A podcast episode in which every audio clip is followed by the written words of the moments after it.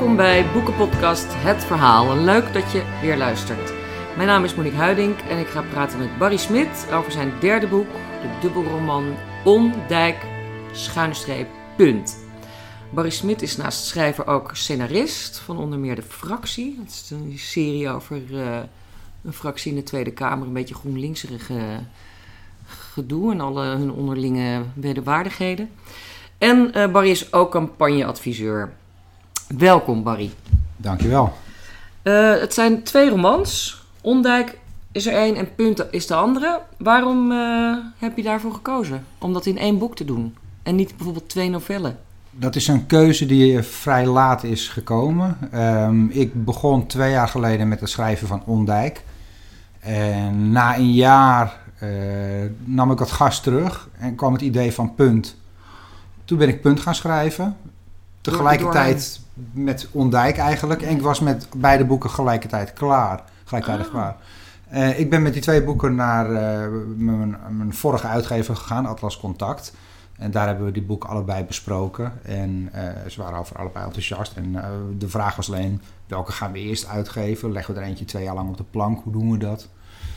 Nou ja, uiteindelijk kwam ik met uh, Atlas Contact te praten over mijn toekomst en over hoe ze die boeken uh, wilden aanpakken. En uh, leefde bij mij de vraag of ik bij hen op een goede plek was. Bij die uitgever? Bij die uitgever, Atlas Contact. Hm.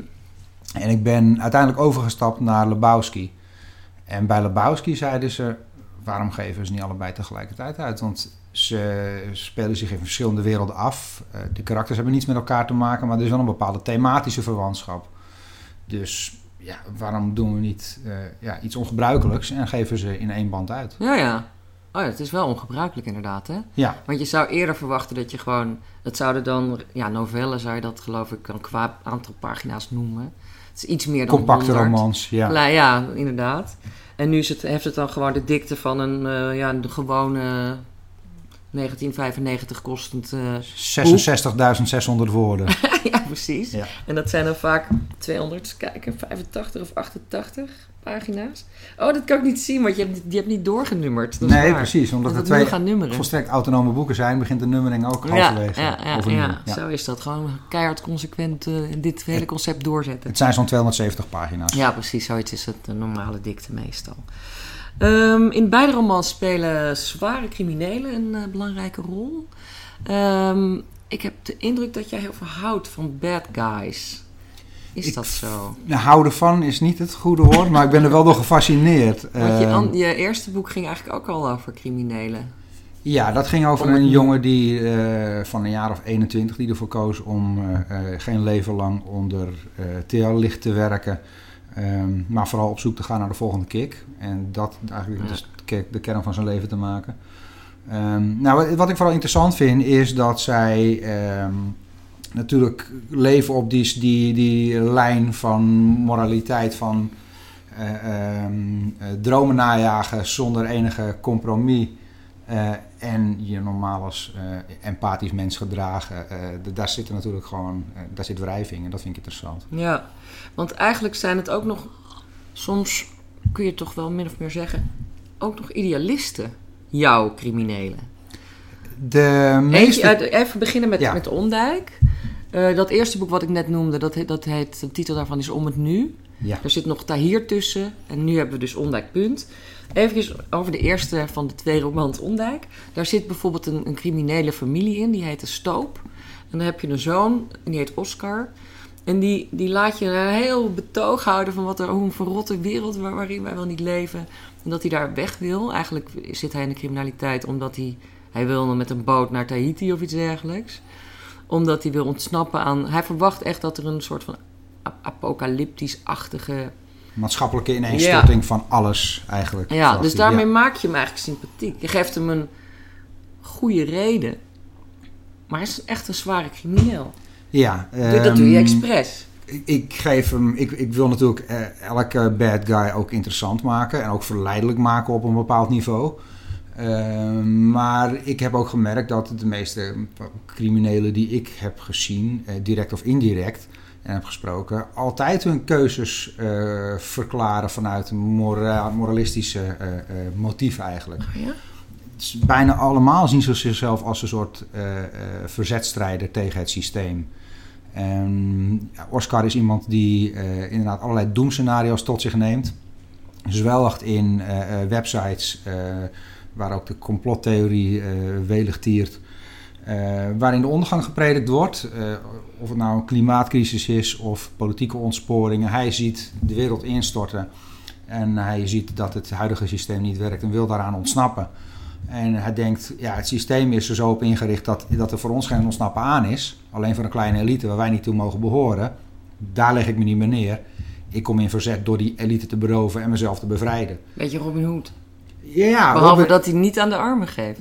Precies. maar dat geldt voor heel veel criminelen. Die zien zichzelf als, als strijder tegen een onrechtvaardig systeem. Die, die onrechtvaardigheid van de maatschappij kun je natuurlijk op, op alle plekken wel terugvinden. En als je dat maar opstapelt en gaat zien als, uh, uh, ja, als eigenlijk uh, de, het excuus achter jouw verzet, ja, dan, dan ben jij rechtvaardig. Dan ben, je ook, dan ben je ook feitelijk geen bad guy meer. Dan ben je eigenlijk alleen ja, bijna heldhaftige verzetstrijder. Hoe ken jij die criminelen dan? Uh, literatuuronderzoek. nee, en ik, uh, ik heb, heb je zelf in de gevangenis gezeten? nee, nee, nee, nee, nee. Ik heb een relatieve uh, brave jeugd doorgemaakt hoor. in Alkmaar toch? In, in Heilo ben ik opgegroeid, net onder Alkmaar en in Alkmaar ja. En, en in Castricum, daar op school gezeten. Dat was, dat was mijn universum tot mijn twintigste ongeveer. nou ja, ik ken ja, gewoon uit mijn jeugd inderdaad een aantal jongens die ontspoord zijn. En, en dat zijn vaak drugscrimineeltjes geweest waarschijnlijk? De, dat begon bijna altijd met uh, kleinschalige handel in drugs. Maar dat, uh, ja, jongens waarmee ik op straat gevoetbald heb, die zijn uiteindelijk overvallen gaan plegen bijvoorbeeld. En zijn bij brute huisovervallen betrokken geraakt bijvoorbeeld. En Um, ja, dus, dus ik ken een aantal jongens die um, al vrij vroeg het criminele pad op gingen. Eigenlijk zag je ze voorsorteren al tussen hun 15e en hun 18e. En dat waren ook allemaal jongens die eigenlijk uh, het verzet als grote tegenstander schetsten. En hun kleine daden uh, ja, in, de, in de context van, van verzet daartegen zagen. Ja, en maar, zo, zo zichzelf dus ook verantwoorden. Zo, dus dat, maar als je 15, 16 jaar bent, dan, dan uh, ja, dan kan ik me voorstellen dat je dan uh, ook een soort. dat je geen werk kunt krijgen of zo. Of dat je moeilijk. Uh, weet je wel, gaat een vakantiebaantje. En je bent er nog veel te jong voor natuurlijk. Maar zien ze zichzelf dan ook als een soort slachtoffer in de beginnen?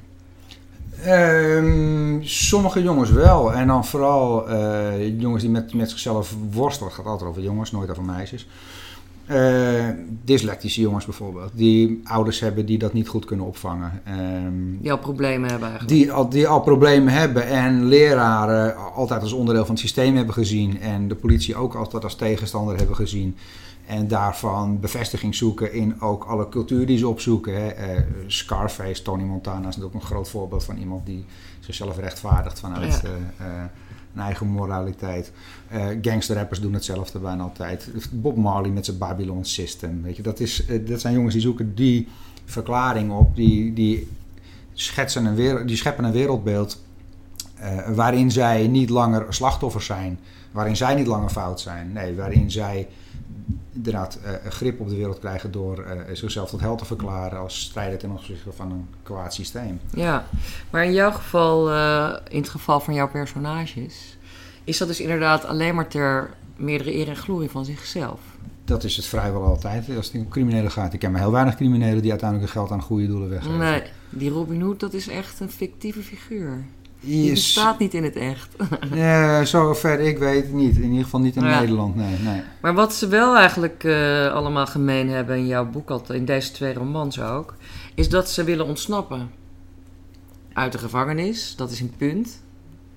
Maar daar komen we zo meteen op. Maar ook gewoon, ze willen eigenlijk uh, weg. Ze willen verdwijnen. Ze willen uit hun situatie waarin ja. ze zitten soms hebben ze een bijna onhoudbaar wereldbeeld geschapen waar ze van willen ontsnappen. Vaak zijn ze gewoon klem komen te zitten door hun keuzes. En, ja, uh, omdat ze de politie op hun hielen hebben. Ja, ja, Of, hun, of hun conculega's. Ja, hè? Ja, dat. Bedreigd worden door uh, de concurrentie ja, de, dat, van de andere gang. Dat, dat zijn natuurlijk issues die, die spelen. Maar uiteindelijk willen zij ontsnappen. Uh, en op een manier, en vaak gemotiveerd ja, waarin je je ook als brave burger nog wel eens kunt herkennen. Wie heeft er nou niet en af en toe het idee van: oké, het leven dat ik nu leid, tof, maar zou ik nog een keer een switch kunnen maken? Ja. Midlife crisis is natuurlijk een heel bekend voorbeeld binnen onze cultuur. Ja. Maar eigenlijk heb je in elke fase van je leven wel een paar momenten waarop je denkt van... Zit ik nog op het juiste pad of wil ik niet radicaal andere keuzes gaan maken? Ja, want nu gaan we even naar iemand die niet crimineel is. Dat is namelijk een van de hoofdpersonen uit de eerste roman Ondijk. Dat is Rob, eh, Rob van Zee, heb je hem genoemd. Maar in het boek noemt iedereen hem alleen maar Zee. eh, dus zonder van. En ehm, die gaat naar Ondijk. Ondijk, kun je beschrijven wat dat bestaat, dat dorp? Het is een gehuchtje. Ondijk is een gehucht eh, in de meest drassige uithoek van de Beemster. eh, ergens in de buurt van Spijkerboor en De Rijp. Dat zijn plaatsen Zeg maar nog niks. Nou, grofweg eh, in de polder tussen Alkmaar en Purmerend. Oh, oké. Dan heb ik Dat is, dat is de hoek ongeveer waar je het kunt situeren. En het is Dat eh, het dorp droog, waar, drooggelegd gebied, maar dan al Ja. wel heel lang geleden al. waar leegwater inderdaad met al die mooie molens eh, Ja. dat het land heeft herwonnen op de zee. Eh, het was altijd land. het is toen door turfstekers verlaagd. De zee heeft er bezit van genomen. We hebben het weer leeggepompt. En nu is het een prachtige vlakte waar onze kaas wordt gemaakt vooral. Juist, de Beemsterkaas. Ja, precies. En waar heel veel kleine boeren woonden. maar ja, die hebben het over het algemeen niet gered. Het is een klein dorp dat aan het Noord-Hollands kanaal ligt. Hij keert daar terug. En ja, als hij aan het begin ook uit zijn auto stapt en kijkt om zich heen, dan ziet hij aan de ene kant dus die zee van groen om zich heen. eh, waar vroeger kleine boerenbedrijven stonden, nu nog maar een paar grote clusters die vooral voor de bank werken. En aan de andere kant ziet hij aan de horizon eigenlijk de ruïnes van de, ja, de jonge ruïnes van de oude economie. Dus hij ziet de leegstaande graansilo's van de Wormer. Hij ziet de werkloze rode kranen van het westelijk havengebied in Amsterdam. En hij ziet de laatste rookpluimen van de hoogovens, waar ook niet echt veel toekomst meer in zit. Ook een beetje een, een dy- dystopisch-achtig. Nou ja, dat als je in dat Landschap. landschap staat, dan zie je eh, vooral sporen van het verleden. Ja, En je ziet vooral economieën die aan het verdwijnen zijn. ja. Je ziet, de, de, de toekomst zie je daar niet. Nee. Rob van Zee, dus we noemen hem gewoon Zee vanaf nu, is fotograaf. Hij heeft, ehm, nou eigenlijk is hij oorlogsfotograaf, denk ik. Hè? Ja, Veel crisisfotograaf. Ja, ja. Ja, best eh, heftige situaties eh, vastgelegd. En hij keert terug naar Ondijk, waar hij is opgegroeid, of waar hij is geboren, denk ik, omdat zijn moeder is overleden. Zijn vader is ook gestorven. En hij, eh, gaat, hij erft dan het huis van, van die moeder. Maar het is eigenlijk een plek waarvan je hem ook laat zeggen dat je daar alleen heen gaat als je er echt moet zijn. Ja, Ondijk is niet Liever een dorp waar ben je... je er niet. Ja, je hebt er niet zoveel te zoeken als je daar inderdaad geen directe bestemming hebt. Als je niet voor Marktplaats iets op komt halen of zo. Weet je. Dan heb je niks in dat dorp te zoeken. Nee, nee, nee. Het is niet een dorp waar iemand met zijn beroepskeuze en zijn interesses een, een toekomst heeft. In eerste instantie. En hij is iemand die inderdaad de, de wereld overzwerft. eh, van crisis naar crisis om daar verslag van te doen. En komt voor het eerst sinds een lange tijd weer terug in zijn geboortedorp. De plek waar hij is opgegroeid, waar zijn oude jeugdvrienden ook nog wonen. Ja, dat is natuurlijk bij uitstek, zeker na het overlijden van je ouders, een moment voor bezinning. Wat ga ik met mijn toekomst doen? Zeker als je een huis in de schoot geworpen krijgt. Terwijl je tot dan toe eigenlijk eh, eh, vooral thuis bent als je op reis bent. Ja, want je laat hem ook zeggen, het liefst had hij alleen maar handbagage bij zich. Travel light, zullen we maar zeggen. Ja, Het is en ook. Ja. Constant maar, ver- gaat hij weer weg. Eigenlijk ook een beetje op de vlucht. Of ja, in ieder geval, hij, gaat, hij wil heel, heel weinig bagage hebben, zodat hij onmiddellijk weer kan ontsnappen. Ja, in, in letterlijke zin en natuurlijk en in emotionele zin. Eh, eh, relaties laat hij eh, snel weer los. Plekken waar hij woont, daar vestigt hij zich niet permanent. Hij wil meteen weer weg kunnen. Het liefst zou hij inderdaad vanuit een, een, tas of een rugtas leven. En eh, ja, dus ook in emotionele zin. Hij wil ongebonden zijn. Hij voelt zich vrij als hij op pad is. En hij voelt dat hij echt leeft op het moment dat hij in zo'n crisissituatie zit en zijn werk kan doen. Dat is het moment waarop hij het leven het meest intens beleeft. En al die andere dingen zijn natuurlijk belemmeringen daarvoor. Eh, als hij een huis heeft waarin hij terug moet keren, als hij een relatie heeft waarin hij terug moet keren. Dat zijn allemaal dingen die aan hem trekken om hem weg te houden uit dat meest intense moment en zijn werk. Is het ook niet gewoon angst? Daar zit natuurlijk ook een, eh, eh, een een facet van bindingsangst in. Ja, tuurlijk. Het, uh, maar dat, die, die analyse moet je als lezer vooral zelf maken. Ja. ja. ja.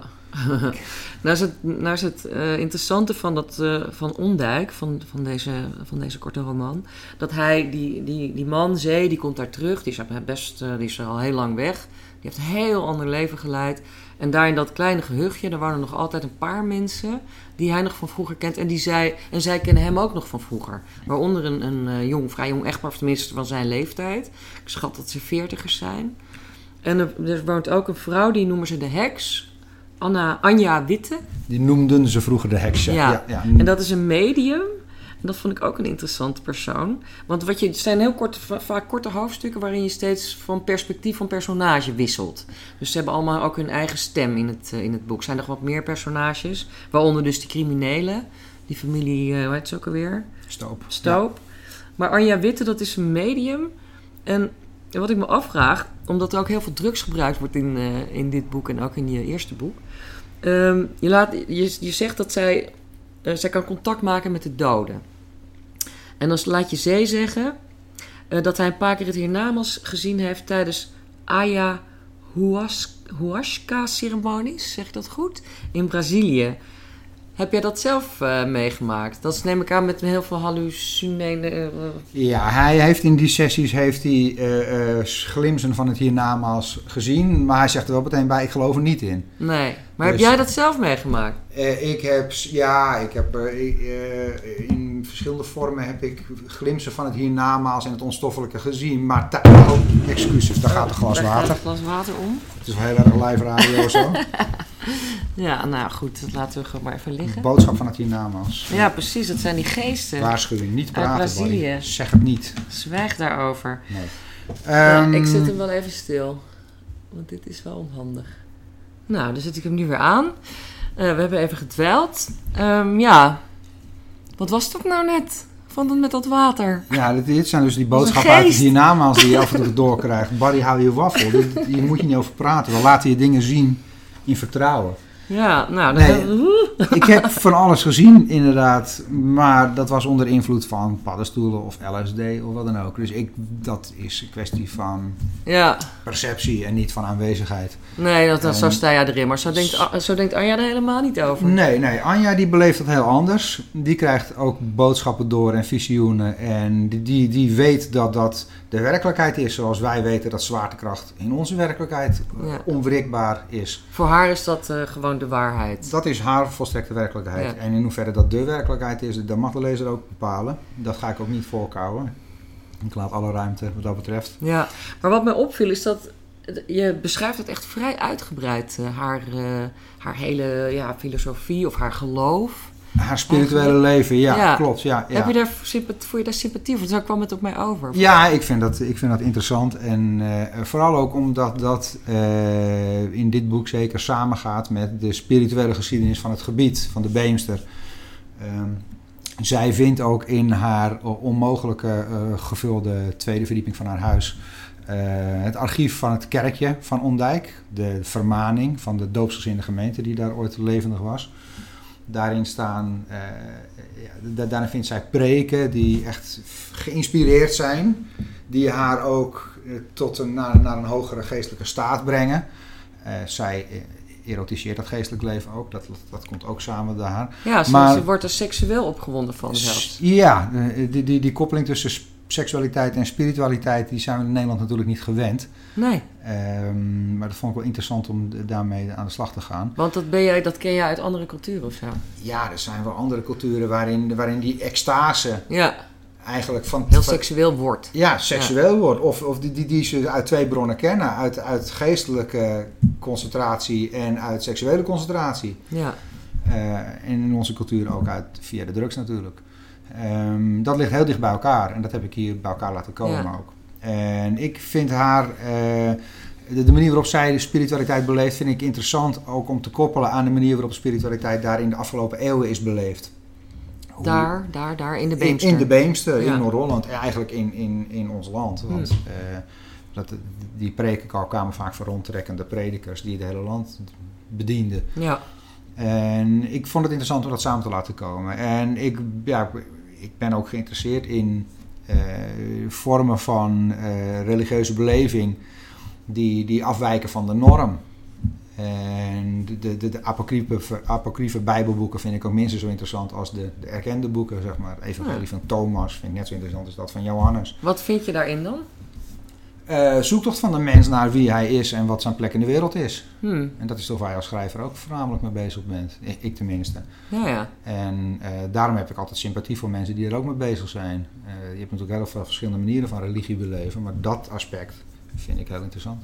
Dat aspect? Dat aspect van zoeken naar je, naar, naar, naar je plek op de wereld en je plek in de wereld.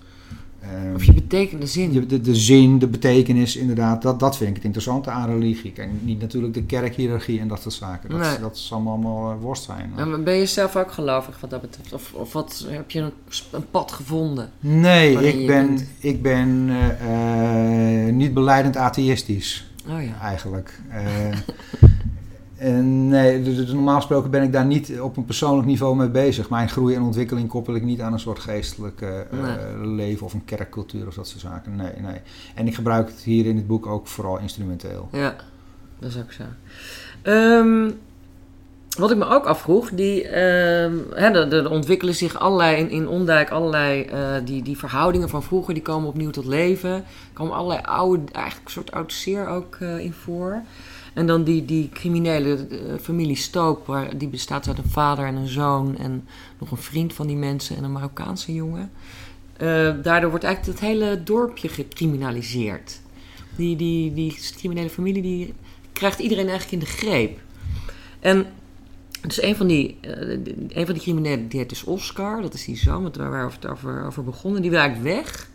Maar Zee, de andere hoofdpersoon, die wil die wil ook weer daar weg. Die is er dan wel weer even, maar die wil dan ook weer vertrekken. En ik vroeg me af, heb je dat, is dat nou uh, omdat jij die personages zo hebt gemaakt? Of is dat een leeftijd? Of is, het, is dat een, een, iets van nu? Of is dat, heeft dat te maken met hun leeftijd, dat ze rond de 40 zijn? Nee, ik denk dat dat uh, uh, voor die karakters volstrekt autonome keuzes zijn... waar geen groot verband tussen zit. die, die, familie die is vrij dominant aanwezig in dat dorpje. vooral omdat, uh, ja, kijk, het sluit een beetje aan op mijn mensbeeld. Ik denk dat de mens tot het goede geneigd is, maar makkelijk tot het kwade, kwade te verleiden. Mm -hmm. En ook snel geïntimideerd. En zo'n familie kan in een uh, kleine gemeenschap via intimidatie op klein niveau, op, op microniveau, vrij snel grip krijgen op dat hele, uh, die hele gemeenschap. En dus ook de moraal aantasten. Ja. En de, daar ben ik vooral mee aan de gang gegaan. Het feit dat Oscar wil ontsnappen is, heeft ja, de, die analyse ga ik niet helemaal maken nu. Uh, dat, dat, dat, ik vind dat ik dat ook vooral aan de lezer moet laten. Okay. Wat hem zover brengt om, om, om weg te willen. Ik denk dat ik te veel ga spoileren als ik daar te diep in ga ja. graven. Nee, maar ik vroeg eigenlijk, wat, wat je hoeft dat niet, de, de, het waarom niet te vertellen, maar ik zat te denken toen ik het las van, is het nou ook iets van, van veertigers, weet je, wat je net zei, midlife crisis? Ja, nou, Oscar is iets jonger. Maar uh, het is, ja, ik denk, denk dat 40 uh, of 40ers iets eerder met die vragen worden geconfronteerd. In de, omdat veel mensen Ja. hun ouders verliezen rond die tijd. Ja, dat is ook zo. Eh, Maar jij, want om- jij bent zelf ook gewoon die leeftijd. Ja, ja ik, ben, ik, ik word binnenkort 43, ja, dus die, die vragen eh, die, die werpen zich bij mij eh, ook eh, op natuurlijk. Ja. Precies. Ehm, dat, dat zal een, een flinke rol spelen. En bovendien is dat, eh, je zit ongeveer halverwege je werkzame bestaan. Dat is nog ook een punt van Ja. een reflectie. En je kunt nog, eh, als, je, als je zo rond de 40, dan kun je eigenlijk alles nog veranderen. Je, Terwijl als je een paar, opnieuw beginnen 10, 20 vaak, jaar ja. verder, dan wordt het al heel een stuk lastiger. Ja. Dus dat is, maakt natuurlijk die, die keuze, die is er. Die, En die wordt ook wel een beetje urgent Ja, op die leeftijd. die is er. En het, het, maar het wordt ook duidelijk dat die er niet altijd meer zal zijn. Nou, Dus dat, exact. Dat ja, die eindig is. Dat, dat, er, een, dat dat er een- de stress op. ja, dat er een, een datum bij staat van dan kan het niet meer. ja, naar. Nu gaan we naar Punt. Dat is dus de tweede roman. Ehm, eh, Punt, dat is de achternaam van Cor Punt. Die heet, eh, dat is de naam van eh, hier wel echt een hoofdpersoon. Dit is ook in de ik-persoon geschreven. Behalve dat, eh, zeg maar, in terug- of flashback-achtige dingen, die zijn dan weer in de derde persoon geschreven. Wie is Cor Cor Punt is een Amsterdamse crimineel van eh, inderdaad een jaar of veertig. Die ook op het, op het eh, eh, moment in zijn leven is aanbeland dat hij moet kiezen.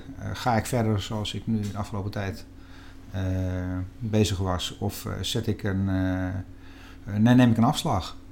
Of begin ik radicaal opnieuw? Eh, hij gedwongen door omstandigheden. Het wordt hem echt te heet onder de voeten. En hij weet gewoon, als ik hier blijf, dan is de kans dat ik binnenkort op mijn rug op een parkeerplaats lig, is gewoon te groot. Ehm, er ontstaat een crisis. In flashbacks laat ik eh, zien hoe die crisis ontstaan is. En wat het triggermoment is eh, eh, dat hem heeft doen besluiten om op de eerste de beste bus naar het buitenland te stappen. Achter station Sloterdijk gaan de hele dag bussen alle kanten eh, Europa in. En, Oh ja? Ja, stappen maar in eentje. En ehm, dat, is, dat is ongeveer de beste manier om op een plek uit te komen die niemand kan bedenken. Ja, Hij komt uit in Limoges. Ja, in een, Frankrijk. dat is een stad waar, ook, waar je ook niet meteen aan denkt als je denkt van waar ga ik opnieuw beginnen. Ja, En het is een beetje bij de Dordogne. ja, dat is eh, eh, ter hoogte zeg maar, van Bordeaux, 200 kilometer landinwaarts Ja. eh, in de Dordogne inderdaad, de noordkant ervan. En hij besluit om de Dordogne in te trekken en een rustig eh, plek op te zoeken, een zo rustig mogelijke plek op te zoeken, buiten het zicht van de samenleving. En zich daar te herbezinnen op zijn leven. En eigenlijk is het hem wel duidelijk dat hij niet alleen een nieuwe naam nodig heeft en niet alleen een nieuw uiterlijk wil hebben, maar ja, toch ook wel een nieuwe ziel. Ja, inderdaad. Hij wil een nieuwe ziel. Hij wil helemaal afstand nemen van zichzelf. Ja, hij Dus wil waar- echt een nieuw mens worden. Waar, ja. die, waar in Ondiep, Ondijk, eh, dan zei ik toch bijna Ondiep, hè? Verdorie. Ondiep is een wijk in Utrecht waar ik woon. Waar in Ondijk eigenlijk iedereen van plek wil veranderen, wil in punt. Deze man, die wil ook helemaal zichzelf achterlaten. Ja, hij wil eigenlijk eh, de volgende dag opstaan en een nieuw mens zijn. En hij vindt ook eigenlijk dat je als mens het recht hebt om eh, opnieuw te beginnen. En de vraag is, laat een verleden zich zomaar afschudden? Ja, dat is zeker de vraag. Ehm, waarom wilde je dat zo ver doordrijven, dat idee van eigenlijk je lot te slim af zijn? Of jezelf helemaal kunnen veranderen en vernieuwen? Nou ja, dat is een, een vraag die in, in, al mijn boeken een rol speelt en die in mijn schrijverschap redelijk centraal staat. Dat is de vraag, in hoeverre hebben we ons lot in eigen hand? En eh, in hoeverre zijn de keuzes die wij maken bepalend voor wie wij zijn en waar we terechtkomen? Of doen we allemaal een beetje een dansje op een rijdende trein waar wij de bestemming niet van gekozen hebben? Is het ook dat je echt controle wilt houden over je, over je lot, over je bestaan? Ik wil dat in ieder geval onderzoeken steeds. Ehm, in, in hoeverre eh, heb je daar grip op? Of, of ben je echt het product van je omgeving en, eh, en de, de, de, de cultuur en de familie waar je vandaan komt? En Punt is iemand die ervan overtuigd is. Hij heeft niet veel familie. Hij is weeskind, de facto. En eh, hij heeft ook geen on- on- ontzettend zware band met, met Amsterdam. Het is een Amsterdammer, maar voor de rest zal het hem aan zijn reden roesten. Hij kan opnieuw beginnen. Hij leeft licht. En Omdat heeft, hij weinig banden heeft. hij heeft weinig banden. Het enige wat hij nodig heeft is een zak geld en dan ziet hij wel weer. Ja, Dat is zijn houding altijd tenminste. ja. In zoverre lijkt hij wel een beetje op, op zee. Ja, alleen hij blijkt ook toch iets meer verleden te hebben dan hij eh, in eerste instantie beseft. Eh, hij staat er niet bij stil. Oh ja, hij heeft ooit een dochter gemaakt. Dat, eh, dat heeft ook nog consequenties waar hij niet over nagedacht heeft. En hij heeft sporen achtergelaten en vijanden gemaakt. Ja, dat laat zich niet allemaal zomaar afschepen. Die, die, eh, jij kan wel volgende dag opstaan met het idee, nu staat er een nieuw mens op de aarde. Ja. Die andere mensen die zien nog steeds al die sporen en die ruiken nog steeds wie jij bent. ja. Heb je het een beetje losjes, of misschien helemaal niet losjes, gebaseerd op eh, de, de kliek rond Enstra? Ik heb een aantal elementen heb ik gehaald uit de levens eh, van bekende Amsterdamse criminelen. Want, eh, want hij heet Cor, maar hij wil Sam gaan heten. Dus ik dacht, dat, dat is Cor. Weet je, ook, je hebt zo'n be- beroemde Cor ook uit die vermoord is. Van Hout. Cor van Hout en Sam Klepper. Die zijn ook allemaal vermoord. En ehm daar dacht je ook aan, of niet? En Of die is dat twee, stom? eh? dat, is, dat is stom toeval, Ja, die ja. twee.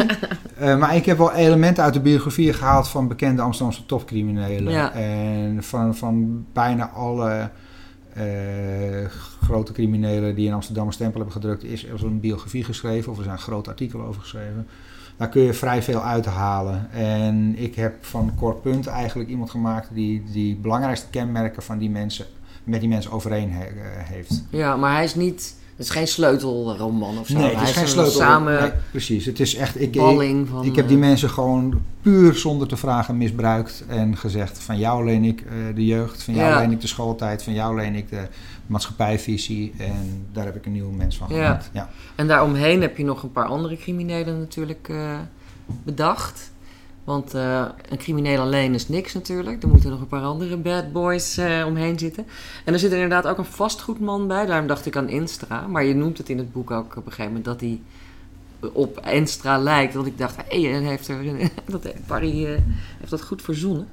Maar, ehm, dus er, zit zo'n soort inderdaad in wat in die, in, in die periode van Enstra allemaal gebeurde. Echt heel veel afrekeningen in, het- in dat milieu ook.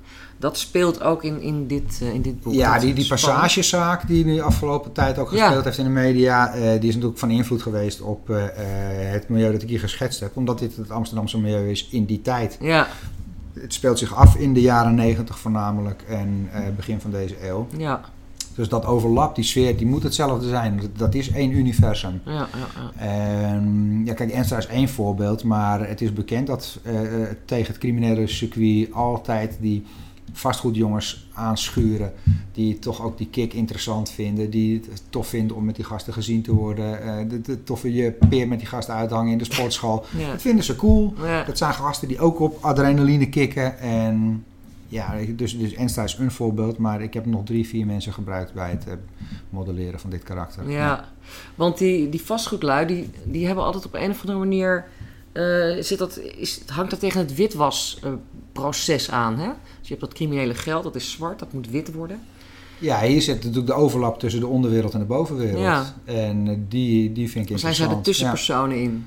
Ja. en dat betekent dat dat zijn ook al op, op, die, die morele scheidslijn komen steeds van eh, in hoeverre is dat nog iemand die iets acceptabels doet en wie gaat, wanneer gaat hij de grens over. Ja. Eh, dus dat, dat maakt er ook interessante karakters. En dan wat jij gedaan hebt, is dat, dat je hoeft je dat, ze vragen zich dat zelf eigenlijk niet af wanneer ze de grens overgaan. Want zij hebben daar een eigen systeem voor. Zodra iemand de grens overgaat, dan wordt hij gewoon vermoord. Dat zie je dus in het echt ook. Ja, Ehm, dus ja, er is helemaal geen ruimte voor eh, morele afwegingen te maken. nee, dat is het verzekeringssysteem inderdaad. Ja. Ja. dat houdt zichzelf in stand. Dat doe je alleen door de, de, de afvallers eh, echt buiten boord te zetten, Ja. uit te schakelen. En wat ik ook, eh, wat ik ook mooi vond gedaan, is dat die punt, die, die, die komt er dus aan, eh, die stapt uit de bus en die begint ergens een nieuw leven. Want hij heeft wel heel veel geld. En dat geeft natuurlijk ook enorme vrijheid. Dus hij kan gewoon, eh, ja, de, maakt niet uit, hij kan dan heel veel geld komen, wat hij allemaal verzameld heeft in zijn criminele verleden. En eh, dus hij stapt maar ergens uit en dan ben je daar zelf geweest. Want je hebt het heel, heel levens echt beschreven, die, eh, dat boerderijtje of een huisje waar die... Ja, ik, eh, ik kom al zo'n de 30 jaar in die streek. Ah, dus die, die ken ik inderdaad erg goed. Ja. Het, het gebied vooral tussen Li- Limoges en Angoulême. En daar heeft mijn familie een huisje. En dus daar heb ik eh, 30 jaar lang kom ik daar al. Maar ik ben er ook gewoon een paar keer naartoe gegaan. Voor dit boek. Ja, om te heel precies eh, de omgeving te Om beschrijven. precies te weten hoe het nou werkt als je daar eh, niet aan de riolering bent aangesloten. Oh, je bent dat ook in zo'n huisje gaan zitten? Ja, nee, ik, ik, ik ken mensen die erin wonen. Ik ken die omgeving. Het zijn buren eigenlijk. Dus, Oh, die hebben eh, gewoon een septic tank en zo. Ja, Ja. dit- dat wordt eens in de zoveel tijd wordt dat geleegd. Ja. En dan, dan, dan krijg je te maken met de Franse bureaucratie, die echt heel erg precies is op dat vlak en zo. Maar ik heb vooral dat, dat gebied willen gebruiken als, als een gebied met een hele rijke geschiedenis. Dus eigenlijk een, eh, die, die, die, die, eeuwigheid uitstraalt. Het zijn oerbossen, de, de, de- je vindt daar nog steeds grotten met eh, ja, schilderingen. Die, Die wandschilderingen van 30.000 jaar oud ja, of zo. ja, die krankzinnig oud zijn. Heel mooi, Dus ja. het, het is, het is de, eh, hij bevindt zich in de eeuwigheid in die zin, buiten de samenleving, buiten de actualiteit, buiten de waan van de dag. Daarom vond ik dat een, een mooie plek om hem neer te zetten, omdat hij dus die bespiegeling dan ook kan hebben. Ik sta nu buiten de maatschappij, wat bedrijf ik hier? Ja. Ga ik hier een nieuw beleven opbouwen of zoek ik een andere plek ergens anders in de samenleving of keer ik terug? Wat doe ik? ja. Het is een ideale plek voor herbezinning in die zin. En hij is ook helemaal alleen. Ja, het is een gebied dat behoorlijk leeggelopen is. Eh, Er woont heel weinig Franse jeugd. Er wonen steeds meer Britse en Nederlandse eh, ouderen. Maar het- je kunt daar gewoon nog lachend eh, een kwartier in je auto rondrijden zonder een ander tegen te komen. En zeker als je in een bos gaat zitten op een afgelegen stuk land eh, aan een onverharde weg, ja, dan, dan heb je rust. Dan word je met rust gelaten. Ja, en dan kun je ook helemaal tot jezelf komen. Kun je tot jezelf komen en je afvragen wie is die zelf dan uiteindelijk en valt daar nog iets aan te doen. Ja, maar je kunt ook gillend gek worden van, de, van het alleen zijn. Ja, daar heeft hij niet zo'n last van. Hij weet zichzelf wel bezig te houden. Ja. Ja. Wat, wat het interessante is van Ondijk en, en dus van, ook van Punt, is dat je eigenlijk dat, dat dorpje of het gehuchtje Ondijk, dat bestaat helemaal niet echt, dat heb je gewoon verzonnen. Nou zeg. Dat is ook zo'n eh, dat is ook zo'n verlatenheid. En dan eh, dat, dat plekje waar hij is in, in, in Frankrijk, dat heeft geen naam. Maar dat is ook helemaal leeg. Heb jij het nodig om die personages tot bloei te laten komen in een omgeving waarin ze eigenlijk geen contact of heel weinig of moeile, alleen moeizaam contact hebben met, eh, met, de andere, met andere mensen? Ik denk dat het vooral ook, het is ook een praktische overweging. Het is eh, ontzettend moeilijk om jezelf eh, te bezinnen op je plek in de wereld en in je leven. Op het moment dat je in een knetterdrukke flat met nog twintig andere mensen op een hoopje zit. Ja, Dan is het moeilijk om je af te zonderen en je in rust af te vragen van... Oké, ik ben een eenling in een universum. Wat doe ik hier? Waar moet ik heen? Dat, dat maakt je iets makkelijker inzichtelijk als je iemand ook op een wat afgezonderde plek neerzet. eh, waar, hij, waar hij de wereld alleen in de verte kan zien. Dus dat is, dat is een heel praktische overweging om die setting, om zo'n soort setting te kiezen Ja. in deze fase van hun leven. Ja. ja want op, op, kijk, want dat, dat heeft je uitgever natuurlijk ook gezegd, die boeken die lijken, die hebben gewoon wel gedeelde thematiek. Heb je, heb je nooit overwogen om te kijken of je ze niet in elkaar kon eh, laten lopen? Nee, nee, geen moment. Het zijn echt twee boeken die zich totaal autonoom hebben ontwikkeld. Die ook enigszins anders van toon zijn, iets anders van taalgebruik. En eh, anders van tempo, eh, andere musicaliteit. Dus nee, dat, dat, die zijn voor mij zo autonoom dat ik, dat ik dit al heel ver vind gaan om ze in één band uit te geven. Ehm, maar ik wilde er dus ben- echt ook nog benadrukken dat het totaal losstaande boeken zijn. Dus door ook die paginanummering weer opnieuw te laten beginnen. Ja, ja, ja. Punt. Weet je, het, is, het is een dubbelroman, maar niet zoals een dubbel LP. eh, waarin het vaak één lang doorlopend verhaal is. Nee, dit zijn echt twee autonome boeken. Je kunt net zo goed punt eerst lezen en ontdijk daarna. Ja. Het een vijf jaar later dan het andere. Ik vind het wel heel knap dat je, tege- dat je ze tegelijk geschreven hebt. Hoe heb je dat in godsnaam uit elkaar kunnen houden? Eh, omdat ze zo verschillend zijn, toch? Ehm, en ik heb gemerkt dat er een werkwijze is die me heel goed bevalt. Dus ik ben nu ook weer met twee projecten bezig. Eh, ik vind het gewoon heel fijn om te kunnen schakelen. Om op het moment dat je ergens vast zit ook in je project, om naar een ander project te kunnen gaan. Oké, dan ga ik nu twee weken lang dit project werken. En dan zie ik over twee weken wel weer hoe fris mijn geest is. Als ik, hoe fris mijn ogen zijn als ik weer opnieuw kijk naar de plek waar ik ben vastgelopen. Oké. Dus jij, bij jou zit er ook zo'n soort, wat je hoofdpersoon ook een beetje hebben. Zo'n soort, ik moet altijd eventjes kunnen, even, even eruit kunnen. Even ik moet weg. even kunnen ontsnappen, ja. Ja, klopt. Ja, dat, eh, zo, zo zit ik wel in elkaar. Ja. Ik, in mijn takenlijstje gaat het ook nooit heel strak van boven naar beneden. Nee, dat schiet alle kanten op. Uiteindelijk Ja. wordt het allemaal wel gedaan, maar ik moet, eh, ik moet er kunnen ontsnappen. Je en moet ik niet moet in een, in een harnas eh, geklemd worden. Ehm, op het, ergens op het eind zegt hij, zegt punt, in de tussen tweede roman. ehm, misschien ben ik bezig een zuiverde versie van mezelf te worden. Ja, hij vraagt zich natuurlijk af in hoeverre ben ik een constructie en in hoeverre ben ik bezig nu een nieuwe constructie te ontwikkelen. Ja, Ehm, maar hij probeert ook eh, kenmerken los te laten, eigenschappen te verliezen. hij, hij kiest bijvoorbeeld ineens voor andere muziek. ja, Eerst houdt hij van metal en dan gaat hij nu alleen cd's kopen van soulmuziek. ja, omdat hij, Want dat is de nieuwe... Hij wil Punt. wezenlijk ander mens worden. Dus dat betekent Ja. dat je heel veel karaktereigenschappen, eh, ja, die, die, die, die zullen moeten veranderen.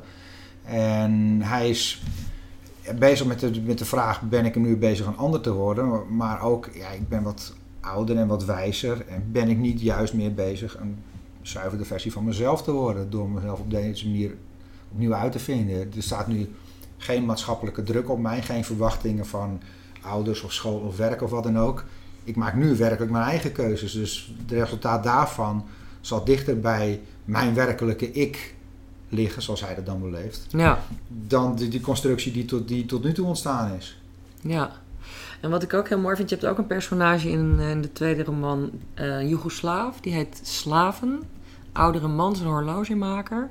Of eigenlijk iemand die ontzettend goed met machines kan eh, omgaan.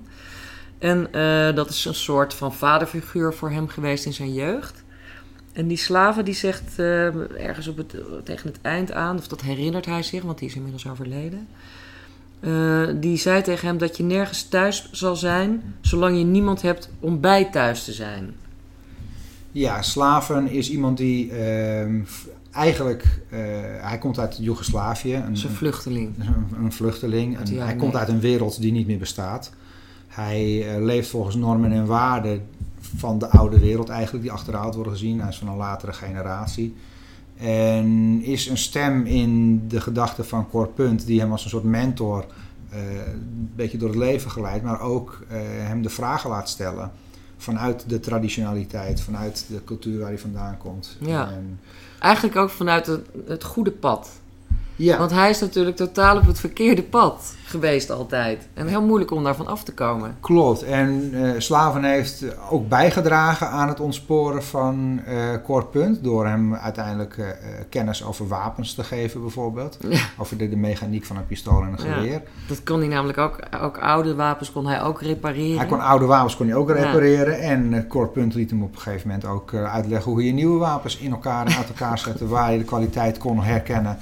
En is uiteindelijk in die kant van de criminaliteit ook terechtgekomen. Dus, dus dat mentorschap van slaven heeft een, een goede kant en ook een wat donkere kant. Ja. Hij heeft hem toch ook laten eh, uit het idee van ik ga die jongen een vak leren. Ja, want het was wel uit een goed hart, had ik het indruk. Ja, Ja. en toch, toch heeft hij bijgedragen aan uiteindelijk de wapenhandelaar die hij later is geworden. en, Dus, de, en de moordenaar. en de moordenaar, ja. Ja, precies. Ehm, nou, de laatste vraag. Ehm, je bent er weer aan een nieuw eh, boek bezig, denk ik. Of twee dus, of niet? Ja. Ja, e- een roman en een graphic novel. Oh, oké. Graphic novel. Ja. En die teken je zelf? Nee, ik ben bezig met een tekenaar, waarvan ik de naam nog niet noem. Eh, we zijn nu aan het verkennen hoe we dat precies gaan aanpakken. De kern van het verhaal eh, staat in mijn hoofd. En we zijn nu aan het kijken hoe we dat verder gaan En uitwerken. waarom had je nou... Waarom, gewoon leuk iets anders? Ehm, ik vind het een hele toffe vorm. Eh, ik ben benieuwd of ik dat kan. Dus dat gaan we nu ontdekken. Eh, ik heb eh, een verhaal in mijn hoofd waarvan ik denk dat is uitermate geschikt voor dit medium. Ehm, Het is eigenlijk een soort storyboard, hè? Dus het is eigenlijk een scenario-achtige vorm. Ja, het, het is weer een nieuwe, een nieuwe manier om verhalen te vertellen met behulp van beeld. Ik heb eh, dus voor de fractie heb ik scenario's geschreven voor Mhm. de tv-serie van de VPRO. Ik schrijf nog steeds k- animatieserie voor kinderkanalen eh, in, in Nederland, maar ook in, in het buitenland. De- waarbij geen taal wordt gebruikt, dus dan schrijf ik puur vanuit beeld. En dit is de ideale mengvorm, denk ik, van Ah. beeld en, ge- beeld en Dan komt het en een beetje taal. samen eigenlijk, die andere ervaring. Ja, precies. Dus Ja. ik wil gewoon om mezelf te ontwikkelen ook weer een nieuwe vorm Ja, eh, vinden. En daarnaast ben ik bezig met een, eh, een roman. Dat gaat iets, ietsje harder al. Eh, dat is een historische roman die zich afspeelt tussen 1870 en 1940 in Alkmaar.